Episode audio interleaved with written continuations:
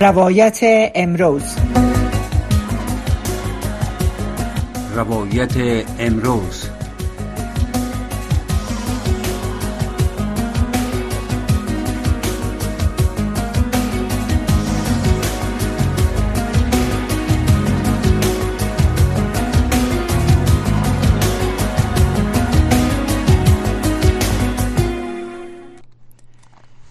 بینندگان و شنوندگان محترم سلام.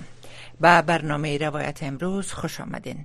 امید است که روزها و هفته های خوب را پشت سر گذاشته باشین و با صحت و سلامتی نزد تلویزیون ها و رادیوهایتان نشسته باشین و به برنامه های ای ساعت ما گوش بتین روزای دوشنبه طبق معمول برنامه روایت امروز اختصاص دادیم میتیم روی وضعیت مربوط به خانم ها زنها و دخترها تحت حاکمیت دو نیم ساله تقریبا طالبان.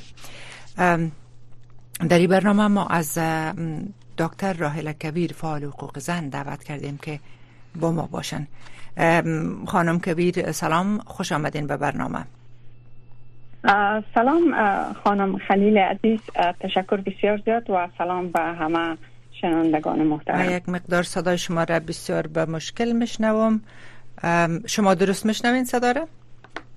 بله من صدا را درست دارم صدا را میشنوین شما؟ بله من صدا را میشنوم صدایشان هستن؟ صدای شما را من ندارم. اجازه بتین ما ببینم که اگر مشکل میکروفون باشه هدست ما ایره درست کنم. با صدا را دارم. بله. که دوبار این مشکل پیش شده که ما باید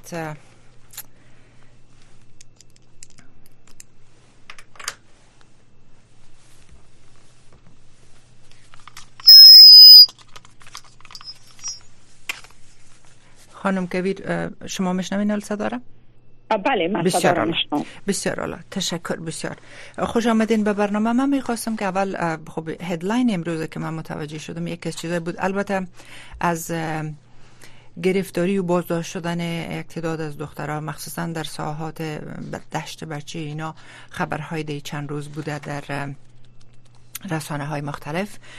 امروز آنچه که آقای زبی الله مجاهد سخنگوی حکومت طالبا گفت یک هدلاین درشت امی بود که بازداشت گفته بودن که بازداشت های اخیر بر تنبیه ترویج کنندگان به هجابی صورت گرفته. البته به دنبال انتقادای زنان نهادهای داخلی و خارجی از بازداشت های اخیر دختران و زنان در کابل. سخنگوی حکومت طالبان آقای مجاهد گفته که گروهی از زنان که برای ترویج بیجابی معذف شده بودند اونا بازداشت شدن.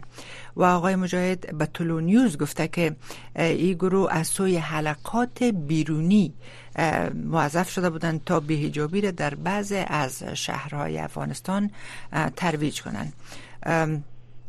و با گفته آقای مجاهد برای جلوگیری از این کار پلیس های زن که در چوکات وزارت داخله البته وزارت داخلی حکومت طالبا کار می‌کنن. اینا مصروف ایفای وظیفه هستند و بعض موارد توقیفی را به خاطر تنبیه و توصیه به زنا داشتن. و اونا گفتن که یکی دو ساعت ای خانمایی را که, که میگن اینا ترویج می‌کردن به ایجابی اینا رو برای یکی دو ساعت دوزه نزدیک خانهایشان انتقال داده شدن و برشان توصیه های صورت گرفت. البته این توصیه ها در برابر اعضای خانوادهشان در برابر برادرایشان پدرانشان اینا. و, و دوباره رخصت شدن. دیگه کسی کدام کسی بازداشت نیست و کسی زندانی نشده. در حالی که در خبرهای تو بود که یک تعداد یک تعداد از دخترها بازداشت شدن و اینا به جای نامعلوم برده شدن. در هر حال آنچه که آقای مجاهد اضافه کردن گفتن که توضیحات بیشتر در این مورد. تا جایی که چیزها را خودشان گفتن بعد از او گفتن توضیحات بیشتر در این مورد وزارت امر به معروف و نهی از منکر خواهد داد. حالا سوال به ایسته که وزارت امر به معروف و نهی از منکر امروز اینا گفتن که با, یک البته یک پیام را در شبکه اکس نشر کردن و گفتن که بازداشت زنا در حوزه 11 شهر و دیگه ساعت کابل که برخی از رسانه ها گفته که ایره گزارش داده حقیقت نداره. یعنی اینا خود وزارت گفته که چیز حقیقت نداره. و او گفته که ای زنا یک تعداد زنایی که اینا گداهایی بودن که در روی سرک بودن اینا جمعوری شده و پس از بایومتریک ماش مانه برشان تعیین میشه و در برخ موارد کمک های لازم به اونا صورت می‌گیره این خبر امروز بود که تا حد انتقادات برانگیخته که میگن خب سخنگوی حکومت طالبا یک چیز گفت. اما وزارت امر به معروف و نهی کرد چیز دیگه میگم این حال دکتر سب شما خانم کبیر که میفهم که در افغانستان از نزدیک هم به تماس هستین اعضای خانواده موجه هستم می‌شناسین بسیار کسا را. من می‌خوایم که از شما بشنوم که شما در اونجا چی شنیدین و چی فکر می‌کنین در مورد ازی.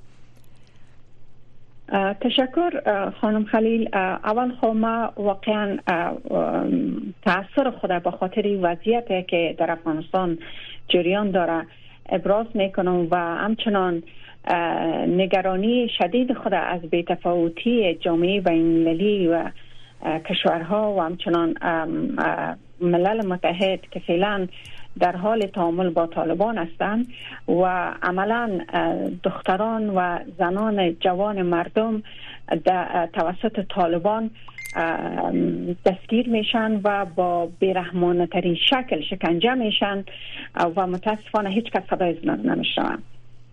و در مورد ازی که امر به معروف طالب و یا وزارت داخلی طالبان چی می‌گویه این موضوع بسیار واضح است. وقت کسانی که یک گروه وحشت و دهشت که افغانستان از رای ترور وحشت گرفتن و هزاران انسان افغانستان به خاک خون کشاندن براشان دروغ گفتن و انکار کردن هیچ کدام کار مشکل نیست. یعنی بسیار آسان است که دروغ بگویند بسیار آسان است که انکار کنند. به خاطر از اونا که جنایتی که اونا انجام میدن اونا نمی‌تونن که دو جنایت خود اقرار کنن. یک چیز طبیعی است. نباید انتظار داشته باشیم از اونا اونا راست به ما بگویند. ولی آنچه را که گزارش هایی را که ما داریم و فیلم ها و همچنان چیزایی که ویدیوهایی که ثبت شده واقعا وحشتناک است خانم خلیل. دخترانی که بسیار شکنجه شدن و آثار شکنجه های بسیار شدید در روی بدنش از اینا است. دختران به نام به بهانه بد حجابی می‌برن. شما اول این مسئله را باید کلگی بفهمن که اکثر کسایی که بردن گرفتار, گرفتار شدن دخترای هزاره است. حتی اطفال و نوجوانان دختر. و هزاره ها هیچ وقت در عرصه حجاب خود حد را که مثلا اینا فکر می‌کنن او را به اصطلاح از دست دادن و همیشه در حدودی که فرهنگ جامعه افغانستان اجازه میدن اونا حجاب خودن مراد کردن. اما این موضوع حجاب بسیار یک مسئله یک بهانه است. در اصل سرکوب کردن دختران و زنان افغانستان است.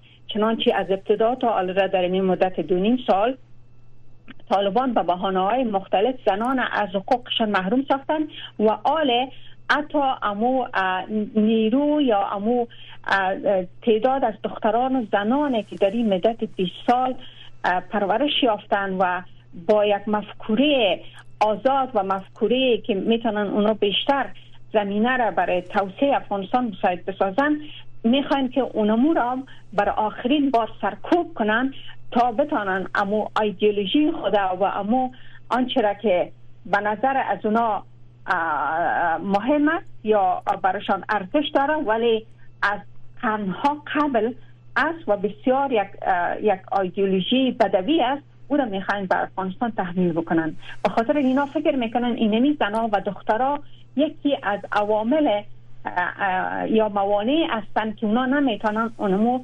تحجریت و پسرفتگی خود در جامعه افغانستان تطبیق کنند. از این سبب بهانه های می سازن به نام از یک اینا بد حجاب است به از یک اینا گدا است.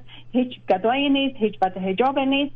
تمام فیلم ها و ویدیوها نشان میده که تمام دخترها چادر دارن لباس کامل و جان به تن دارن. اما به نام از بد حجاب است فقط یک بهانه می‌سازن برای. سرکوب کردن مردم خانم کبیر با مذارت ببخشن البته خب او اما ویدیوهایی که در امو لحظات که اینا دستگیر شدن گرفته شدن از زور شما نمیفهم دیدین ما ما خود متوجه نشدیم که در مو حالت چون آیا کمره وجود بوده که ببینن که این دخترها که گرفته میشه توسط از اینا آیا اینا حجاب دارن یا ندارن؟ خب همونطور که شما گفتین اما گزارش های هست که میگن که اینا کلشان حجاب دار بودن سر چادرشان کشور اسلامی همیشه دخترها سرشان پد است یک چادر به سرشان است و دست و پایشان پد است.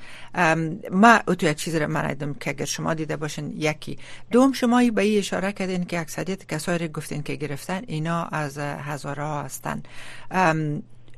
چرا به نظر شما فکر می‌کنین که طالبا زیادتر دو طرف میگن که اونا را دستگیر می‌کنه و توجهشان به او طرف معطوف است اونا را و گذشته از او دیه و آخر می‌بینیم که در دشت برچی حملات هم صورت گرفته سر مردم ازاره. چرا فکر می‌کنین که همچی چیزی هست؟ خب یک موضوع بسیار واضح است که ازاره ها در مدت 20 سال برای تحقق توسعه و دموکراسی و سال در افغانستان اینا بسیار زیاد کار کردن و کاملا امو یک چی را منظر یا امو دیدگاه را که برای آینده افغانستان می دیدن از بود توسعه و دموکراسی بود. بنان ها بیشتر به فرهنگ ترویج و رشد فرهنگ و فرهنگ نوین و همچنان آموزش روی آوردن و بیشتر به مسائل توسعه اجتماعی و همچنان اقتصادی توجه کردن. در امر ارزش پیاده شدن ارزش های دموکراتیک و سهم در انتخابات شما می‌فهمین که ها هم در افغانستان تقریبا در این 20 سال پیش قدم بودن. بناهن یک دلیلش است که می‌خواین که اون او پیشگامان تحقق ارزش های دموکراتیک در افغانستان از این طریق سرکوب بکنند. موضوع دوم مسئله است که متاسفانه ها از از مدت حتی بیشتر از یک قرن است که با یک جنوساید مواجه هستند. و آل هم ها به خاطر قومیت و همچنان بیشتر به خاطر قومیت خود. به انواع مختلف سرکوب میشن و به یک فروپاشی کامل و نابودی مواجه هستند. شما می‌بینید که ها امی چند روز پیش انفجاری که در یک موتر کاستر در دشت برچی رخ داد بله. تمام جوانای هزاره در اونجا بود که از بین رفتن. و این انفجار اول و آخر هم نیست. در, در, در هر ما تقریبا یک انفجار در اونجا واقع میشه. و عملات بسیار هدفمند واقع میشه. این بخش دستگیری دختران و نوجوانان هزاره هم بخش اونمو هم سرکوبی ارزش های دموکراتیک در افغانستان است و هم سرکوبی ازاره ها به عنوان پیشگامان از اینا و هم به لحاظ قومی ازاره ها همیشه با جنوساید مواجه هستند. بله. و دیگه مسائل سیاسی متاسفانه ما می‌بینیم که مسائل سیاسی که در منطقه شکل می‌گیره این هم باعث دی میشه که مردمانی که بیشتر پیشرفت برای صلح دموکراسی اینا بیشتر قربانی شوند.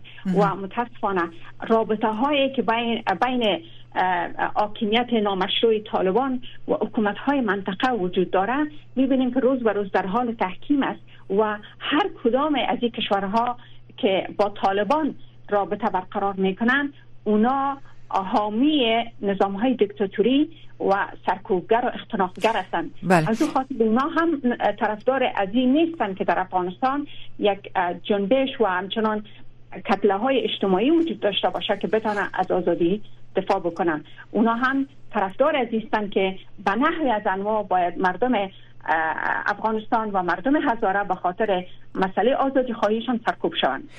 خانم کبیر البته خب جوان در افغانستان در مجموع در ای اواخر در سالهای اخیر اینا فوق العاده اینا پرتلاش بودن زحمت کش بودن خود رساندن. با خصوص همونطور که شما اشاره کردین در با میان دخترها ما تیم روباتیک داشتیم. دخترای که در بخش ورزش ورزش های مختلف اینا بسیار برای زندگی داشتن. تشبسات خصوصی بسیار زیاد داشتن داشتن. ای که آل وضعیت از چه قرار حسابش جداست. اما و بدون شک یکی که می‌خواستم که ایره از شما بپرسم که آیا شما از کسایی که می‌شناسین خبر دارین. اونا در چه وضعیت هستن؟ یکی دومی که اول خو به این سرزمی که امی دخترای رو گفتین که گرفتن گرفتار شدن و از امو بیشترش از مردم ازار است. آیا شما آگاهی دارین که اینا رها شدن یا هنوز هم در قید هستن؟ چی, چی, چی معلومات شما دارین؟ البته که تعداد بیشتر از 100 نفر دخترها دستگیر شده. خب. یک تعداد از این بعد از زمانت ها اینا برشان چی را دادن؟ اما وعده دادن که آزاد میشن. اما یک تعداد از اونها هیچ اصلا سرنوشتشون معلوم نیست که کجا هستن. اما ای که بعد از اینکه حالا آزاد شدن یا نشدن اکثر خانواده ها در سکوت هستن به خاطر که میترسن که باز یک بلای دیگه سرشان نبیاید شما می‌فهمین که وضعیتی که در افغانستان است یک وضعیت فوق العاده مختنق و یک وضعیتی که مردم به خاطر حفظ جانشان مجبور هستن خاموش باشن و سکوت کنن. بنان شریک کردن هر نوع معلومات توسط از خانواده ها فعلا ناممکن است به خاطر که اونا بتانن حداقل اما حیات خودن حفظ کنن. اما تا جایی که بازم در جریان هستیم و کسانی که در جستجو و صدد گرفتن این معلومات هستند برای حکایت برای که یک تعداد زیاد دخترها گم و نامعلوم است. اونا را نه در حوزه یافتن نه در جای دیگره و این خطر هم وجود داره. حکومت و حاکمیت که خودش یک چارچوب قانونی را ایجاد نکرده و نتانسته که زمینه امنیت مردم فراهم بسازه می‌تونه حتی از طریق گروه های جنایتکار مرتکب این جن... جنایات شان به خاطر مسئله سرکوبگریشان بنان متاسفانه یک تعداد دخترها هیچ اولشان معلوم نیست. در حال که بازم ایره می‌خوام تاکید کنم که آقای مجاهد امروز اونا گفتن که تنبیه شدن خود از اینا. توصیت شد خانوادهاشان برادر و پدراشان و آزاد شدن و کس دیگه بندی نیست. اونا همه چیز گفتن اما و شما, و شما می‌خواین که باور بکنین گپ زبی اولا مجاهده. فقط می‌خواستم که یک یک یک یک یک تعداد افراد یا یک گروه تروریست وحشی و بربر حافظ بربریت بیاین اب جل دروغ بر در ذهن جامعه بینالمللی زخم بکنن و همه ایگا باور بکنن بله. اما میلیون ها انسان که امروز در او خفقان زندگی می‌کنن و در او زندان هستن. صدای از اونا را متاسفانه کسی نمیشنوه. و ما تعجب می‌کنم. برای جهان برای زی آزادی برای رسانه برای کسایی که آمیان حقوق بشر هستند که تا این اندازه خفت خوری مردم افغانستان قبول بکنن اما هیچ عکس العمل از خود نشان ندن. خب البته شما گفتین شما قبول می‌کنین. البته این مسئله ای که ما قبول کنیم یا نکنیم این مسئله مورد بحث نیست. من تا چون شما گفتین و مایره و ضمن مسئله دیگر هم گفتیم که آقای مجاهدی یک چیز گفت و بعدا وزارت امر به معروف و نه از منکر گفت که نه دخترها بازداشت نشده بلکه اقتدار زنای گدا هست که خودش یک رقم زد و نقیز از خبر یا این معلوماتی که داده میشه یک وزارت یک چیز میگه سخنگوی چیز دیگه میگه که همونطور که شما گفتم که انتقادات را برانگیخته. در حال وجود باز خب ای که کی چی را باور می‌کنه؟ نهادهای حقوق بشر در اوج موجود است. از ملل متحد اینا اینا درک کردن و شما می‌بینین که همیشه امو نهادها از صدا کردن سر حکومت طالبا و گفتن که باید حقوق زنا مراعات شود مسائل کارشان مسئله درسشان پا مثلا از خشونت دست کشیده شود. البته این چیزایی گفتم میشه اونا صدا می‌کنن سر زیگه ولی برای شما یک موضوع دیگر دید اشاره کردین که خب در گفتن که مردم ازاره بسیار مردم های با دانش مردم های کسایی هستند که اینا می‌خواهند علاقمند درس و تحصیل خود هستند علاقمند هستند که خود برسانن در روشنگری و در روش های بسیار دموکراتیک اینا باورمند هستند. و گفتن که اینا می‌خوان سرکوب کنن مسئله سرکوب است که در چقدر فکر می‌کنین امکان از موجود است و تا چه زمان فکر می‌کنین دوام کنه. در شرایط شرایط کنونی در قرن حاضر که در عصر حاضر که جهان در واقع به یک قریت تبدیل شده و چطور امکان داره که این همطور روشی که شما ادعا می‌کنید که اینا در برابر مردم دارن می‌خواین سرکوب کنن صداشان خاموش بسازه چقدر, چقدر فکر می‌کنید در نهایت اینا یعنی دوام خواد کنه و اینا بتانن که تا آخر موفق شوند ای کار؟ خب حکومت های دکتاتور و حاکمیت های دکتاتور ما در افغانستان تجربه کردیم. امی جنایات را که در زمان حکومت خلق پرچان در افغانستان اجرا شد مثلا حکومت اسلامی چقدر دیر دوام کرد؟ ما باور داریم به این که بالاخره این حاکمیت نامشروع و سرکوبگر در افغانستان باقی نمیمانه و در این حال نیروهای مدنی که در بیرون از افغانستان هستند هایشان جریان داره و در داخل افغانستان مردم افغانستان است باید تصمیم بگیرن چیکار کنن. ولی ما باورمند به هستم که بالاخره هیچ حاکمیت دیکتاتوری دوام نمیابد به خاطر از اینکه با با سرنوشت میلیون ها انسان اونا نمی‌تونن که مقابله بکنن و اراده و خواست مردم اگر شد که سرنوشت خود تغییر بدن باز وقت در برابر هر نوع ظلم و شکنجه اونا خواهد ایستادن و مردم بالاخره به این نتیجه خواهد رسید که باید برای تغییر سرنوشتشان قربانی بدن. من مطمئن هستم که تداوم این وضعیت با مردم بالاخره نتایج زیانبار برای حاکمیت نامشروع دارد و در کل بر کل افغانستان. بله خب البته یک سوال که همیشه همه طرح می‌کنن همیشه مطرح شده. ایسته که خب بالاخره طالبا به این شکل دوام دادن با وجود که هیچ وقت نگفتن که مخالف درس و تحصیل و کار زنها هستن. نگفتن گپه اما در عمل تقریبا دو نیم سال گذشته فقط اما قدر اون تا صنف شش اجازه دادن. و اما باز ای گپشم ایرم گفتن که به اساس شریعت تمام حقوق زنها برشان داده شده. و و اینا از حقوقی که یعنی اسلام برش برشان داده از او برشان داده شده و اینا امنیتشان حفظ است و اینا مسئول هستند در خانه های خود دیگه نیازی به این نیست. ولی از جانب دیگه باز میره میگم که هیچ وقت نگفتن که مکاتب باز نمی‌کنیم همیشه به یک یک دلیل یا دلیل دیگه گفتن که کار می‌کنن مکاتب باز میشه. که البته قبلا هم از شما پرسان کردم و شما به امید به این ندارین که بالاخره شرایط تغییر کنه یعنی شرایط به این مفهوم تغییر کنه که خود طالبا بالاخره قبول کنن نمیره که آنچه که مردم می‌خواه اینا نمی‌تونن برخلاف از او حرکت کنن. ما یک برنامه دیگه داریم که البته او برنامه میشه بعد از این برنامه شروع میشه هر روز. برنامه استاس و که صدای شماست. هر تقریبا 20 25 تلفنی که ما می‌تونیم در ظرف یک ساعت بگیریم. اکثرا اتفاقا از مناطق یا از ولایات جنوب جنوب شرق است. از زیادتر از قندهار می از هلمند از کنر از ننگرهار. از اینجا که پشتو صحبت می‌کنن. و اکثریتشان بدون ما برتان میگم بدون کدام چیز استثناء اکثریتشان امی تقاضا را دارن که پشتو صحبت می‌کنن کلشان و میگن که از حکومت خب میگن امنیت آورده اما تاکید کلشان سر این مسئله است که باید مکاتب دخترها باز شود.